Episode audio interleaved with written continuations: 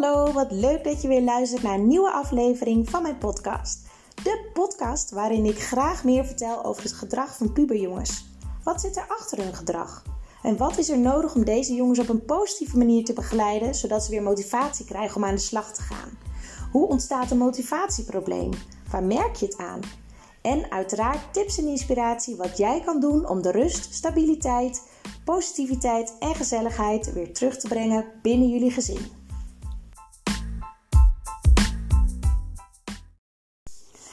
Hallo, hallo, weer een nieuwe podcast en deze keer met als thema straffen of belonen.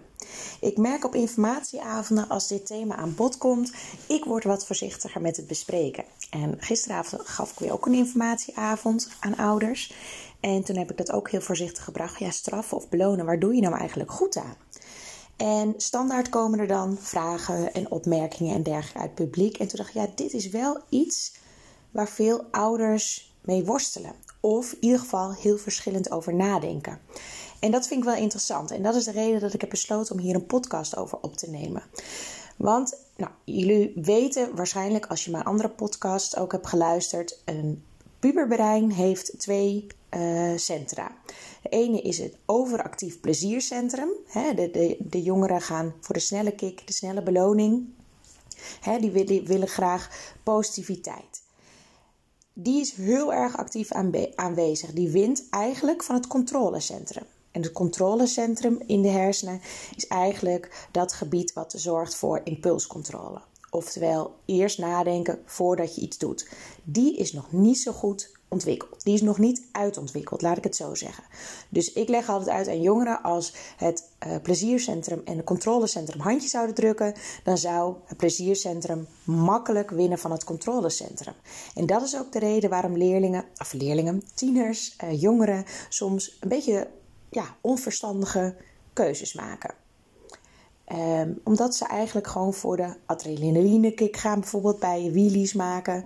Of dat ze gewoon ehm, heel benieuwd zijn naar iets nieuws proberen. Hè? Want het puberbrein is heel erg gericht op, op nieuwe dingen, nieuwe ervaringen. Het kan ook zijn dat ze graag uh, als beloning de status hoog willen houden bij de vrienden. Dat ze daarom bepaalde keuzes maken. Ja, waar als ze er beter over na gedacht, dat ze het misschien niet hadden gedaan. En hoe ga je daar nou allemaal mee om als ouder? Je kan straffen, je kan belonen. Maar ja, waar doe je dan goed aan? Ik ben van mening dat um, positiviteit altijd veel meer effect heeft dan negativiteit. En straffen is eigenlijk negatief, is mijn, in ieder geval mijn kijk erop. En belonen bedoel ik echt niet dat het met cadeautjes hoeft en geld en dergelijke. Dat kan ook een compliment zijn. Um, ik ben zelf heel erg van het gesprek aangaan met jongeren. Dat is eigenlijk ook mijn advies. En in gesprek gaan bedoel ik dus echt met je tiener praten en niet tegen je tiener. En dit komt eigenlijk bijna in elke podcast volgens mij van mij terug. Het verschil zit hem in hoe je met je tiener praat. Praat je met je tiener, dan stel je belangstellende vragen en dan wil je weten hoe jouw kind naar de situatie kijkt, hoe die over iets denkt. Dus dan vraag je, joh, dit en dit is de situatie, hoe zie jij dat? Of Stel dat jullie met je vrienden allemaal bij elkaar zijn. En iemand stelt voor om met z'n allen te gaan blowen. En jij wil dat eigenlijk niet. Hoe zou jij dat oplossen? Ik maak me zorgen om dat jij. Nou, ik ben bang dat jij gaat blowen en ik wil dat eigenlijk niet. Hoe, is dat, hoe kijk jij daar tegenaan? Hoe kijk je überhaupt tegen blowen aan? Als voorbeeld. Op die manier laat je namelijk merken dat jij benieuwd bent naar de kijk van je tiener op de situatie. En doordat je die vragen stelt, gaat het tienerbrein of het puberbrein gaat aan. Dus je gaat nadenken. En door de vragen die je stelt, hè, omdat het echt belangstellende vragen zijn, en dat antwoorden kan je niet vinden, eh, vinden via Google. Jij weet het antwoord ook oprecht nog niet. Dus het is ook geen suggestieve vraag. Uh, of geen controlerende vraag. Maar alleen jouw kind zelf weet het antwoord. Dan zet je het puberbrein aan. Soms weet ze het antwoord ook nog niet direct en moeten ze dus gaan nadenken. En doordat je vragen stelt, komen ze eigenlijk steeds meer tot bepaalde inzichten, bepaald besef. Um, ja, ze worden eigenlijk aan het denken gezet. En dat is heel erg positief. Dus in plaats van te straffen. En de meest voorkomende straf die ik hoor is eigenlijk dat jongeren uh, hun mobiel kwijt zijn. Voor een dag, voor een week of langer. Uh, wat ik ook vaak hoor is dat ze ergens niet heen mogen. Dus eigenlijk ja, een soort van huisarrest. Um, je kan ook in plaats van die straffen, kan je het gesprek aangaan. Oké, dit is niet oké. Of je hebt tegen mij gelogen, die kom ik ook veel tegen. Je hebt tegen mij gelogen en dat accepteer ik niet. En ik zou altijd benieuwd zijn, wat is de reden dat je kind heeft gelogen? Vaak is het namelijk zo dat je kind dan heel erg goed weet dat hij een keuze heeft gemaakt die misschien achteraf gezien, hè, dat hij van tevoren niet bedacht, hè, want dat gebeurt heel veel bij tieners. Die impulscontrole is laag, dus ze doen eerst en daarna bedenken ze: oh, dit was misschien niet zo handig. Dat ze daarom niet met jou als ouder willen delen en dan eigenlijk een ander verhaal ervan maken. Omdat ze weten dat ze iets hebben gedaan wat jij als ouder niet oké vindt en misschien vinden ze het zelf ook niet oké wat ze hebben gedaan. En de vraag is of jij ze kan helpen met hoe je de volgende keer op die situatie kan gaan reageren als je straft. En heel terecht kwam ook de opmerking op de uh, informatieavond. Je kan toch ook een combinatie doen? Je kan het gesprek toch ook aangaan en zeggen: Ja, jij bent buiten de grenzen gaan, buiten de kaders die je kent van ons. Dus dit is de consequentie. Als jij van tevoren als ouder duidelijk aangeeft wat de kaders zijn, wat de grenzen zijn en wat als ze over die grens gaan, wat dan de consequentie is. Bijvoorbeeld, dan ben je je mobiel kwijt. En ze zijn over die grens gegaan dat je dan je mobiel, het mobiel afpakt. Het kan. Weet je, ik wil helemaal niet in goed of fout praten. Absoluut niet. Want iedereen maakt hier zijn eigen keuzes. Het is wel bewezen dat straffen minder effect heeft dan belonen. Omdat het pleziercentrum zo overactief is. Toen zei ook een ouder: ja, maar wat als jouw kind dus meer dingen stiekem gaat doen omdat hij weet dat hij anders straf krijgt. Dus alles gaat doen om die straf te ontlopen. Ja, dat kan. Je weet het niet. Ik denk ook dat het heel erg uh, kindafhankelijk is hoe je met de kaders omgaat. De een heeft nou eenmaal strakkere grenzen en kaders nodig dan de ander. En soms zijn er ook ouders die zeggen: Ja, ik doe allebei niet. Ik straf niet, ik beloon niet. We hebben eigenlijk alleen maar gesprekken erover, verder niet. Ja, dat kan ook. Ik denk wel dat het belangrijk is dat tieners kaders hebben waarbinnen ze kunnen bewegen. En ook leeftijdsafhankelijk uiteraard. Hè? En hoe zelfstandig je kind is en hoe goed ze zelf al nadenken. In de leeftijd van 14 tot, tot met 17, dus tot 18 ongeveer, is een leeftijd dat ze gewoon heel erg aan het ontdekken zijn, experimenteren zijn.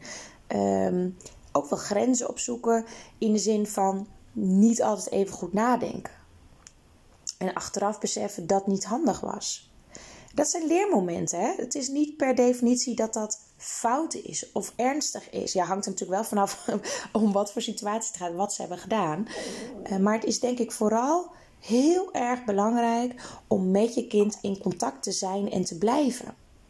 Door die gesprekken te voeren, door te vragen hoe heeft het zover kunnen komen? Hoe heeft het kunnen gebeuren dat jij deze stap hebt gezet? Vaak weten ze dat helemaal niet. Oké, wat is er dan nodig om ervoor te zorgen dat dit niet nog een keer gebeurt? Nou ja, zeggen ze vaak, dat, dat weet ik eigenlijk nu wel. Ik heb wel hiervan geleerd. Dus ja, bereik je echt meer om te straffen? Ik weet het niet ik spreek ook wel eens jongeren waarbij de mobiel is afgepakt. En die zeggen van ja, het geeft me eigenlijk wel een bepaalde rust als ik mijn mobiel niet heb. Ehm, maar ze gaan natuurlijk zelf niet de stap maken om hun mobiel voor langere tijd weg te leggen. Ze willen niks missen. Mobiel is hun leven, er zitten hun contacten in, uh, alles gebeurt daar. Snapchat is een hele populaire app om, om contact te hebben. Snel contact, makkelijk contact en de berichtjes zijn zo weer weg. Ik, heb, uh, ik ben zelf helemaal niet bekend echt met Snapchat. Ik weet wat het is hoor, maar ik heb er nog nooit mee gewerkt. Maar ik begreep van ja, je kan toch screenshots maken, zei ik. Toen zei de jongen van ja, dat kan wel, maar dan komt er in beeld te staan... die en die heeft een screenshot gemaakt van jouw bericht. Dus het is echt je typt en het is weg. Je stuurt een foto en het is weg. Dus het gaat allemaal heel snel. En veel nieuwe berichten elke keer. En daar houden jongeren van, daar houden, uh, houdt het van.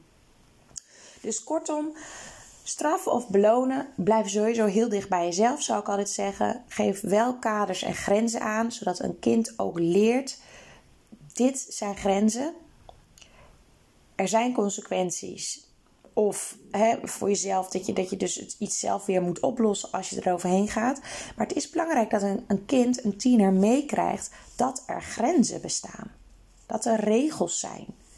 Als een kind nooit grenzen en regels krijgt, dan krijgt hij het best wel moeilijk in de samenleving en in de maatschappij. Ook zodra hij hè, op school of, of op, uh, in werk, in de opleiding. Dan lopen ze daar tegenaan. Dan moeten ze nog helemaal leren om daarmee om te gaan. Dus het is wel belangrijk zodat ze leren dat een ander ook grenzen heeft. de ene ouder is makkelijker dan de andere ouder binnen één gezin. dat, dat is vaak zo. Ehm, maar kinderen leren van oké, bij mijn vader kan ik dat doen, bij mijn moeder kan ik dat doen. Ze weten ook precies bij welke docenten op school ze te laat kunnen komen. Uh, of zelfs afwezig kunnen zijn zonder dat een docent het doorheeft. Dat weten ze. En zo leren ze ook dat elke persoon anders handelt. En een, het is belangrijk dat een jongere leert om om te gaan met grenzen van een ander, maar ook van zichzelf. En ook zelf mag aangeven wat zijn grens is. Hoe zeg je nee? Als jouw vrienden met z'n allen iets willen doen en jij wil dat eigenlijk niet, hoe ga je daarmee om? Wacht niet tot dat moment zo ver is, maar ga dat gesprek eens aan met je kind. En help eens even meedenken, bijvoorbeeld, hoe die dat zou kunnen aanpakken. Bijvoorbeeld, ik moet nu naar huis. Kan ook. Of, uh, of gewoon durf ze ook gewoon te zeggen: nee, ik wil dit niet. En dat is eigenlijk ook onze taak als ouders, hè, om, om mee te denken met onze tieners.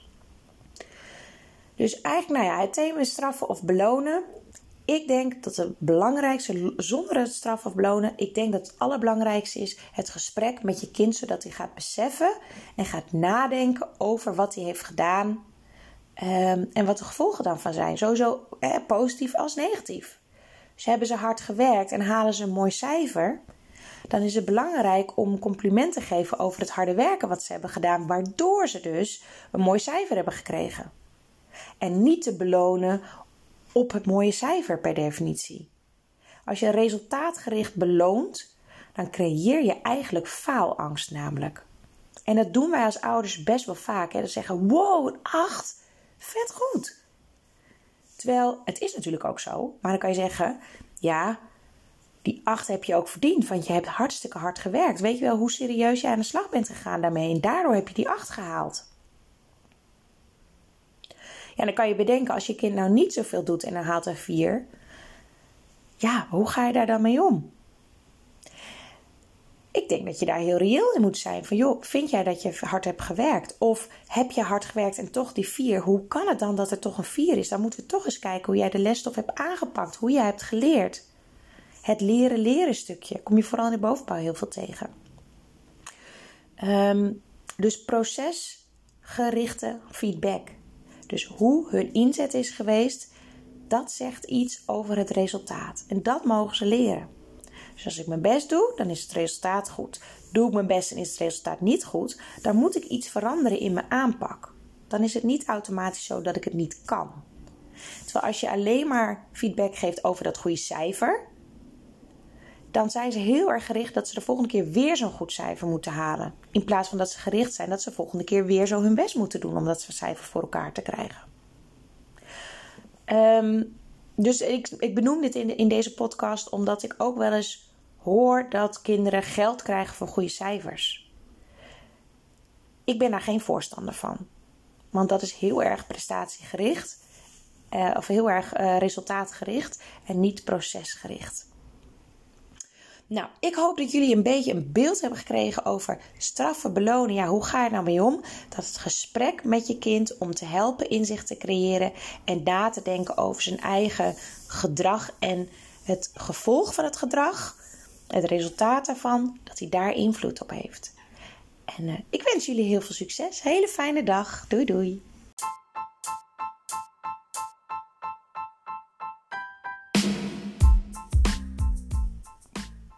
Dit was weer een aflevering van mijn podcast. Heel erg leuk dat je hebt geluisterd en ik hoop dat jullie weer een stukje wijzer zijn geworden rondom het thema puberjongens en motivatieproblematiek. Wil je meer weten? Ga dan naar www.coachpraktijkblijleven.nl. Ik ben altijd heel erg benieuwd wat jullie van deze podcast vonden, eh, zodat ik ook weet of ik op de goede weg ben en wat jullie vooral interessant vinden en wat jullie eruit halen. Wil je mij dat laten weten? Dan vind ik dat hartstikke leuk. Dat kan via Facebook, via Instagram of via LinkedIn.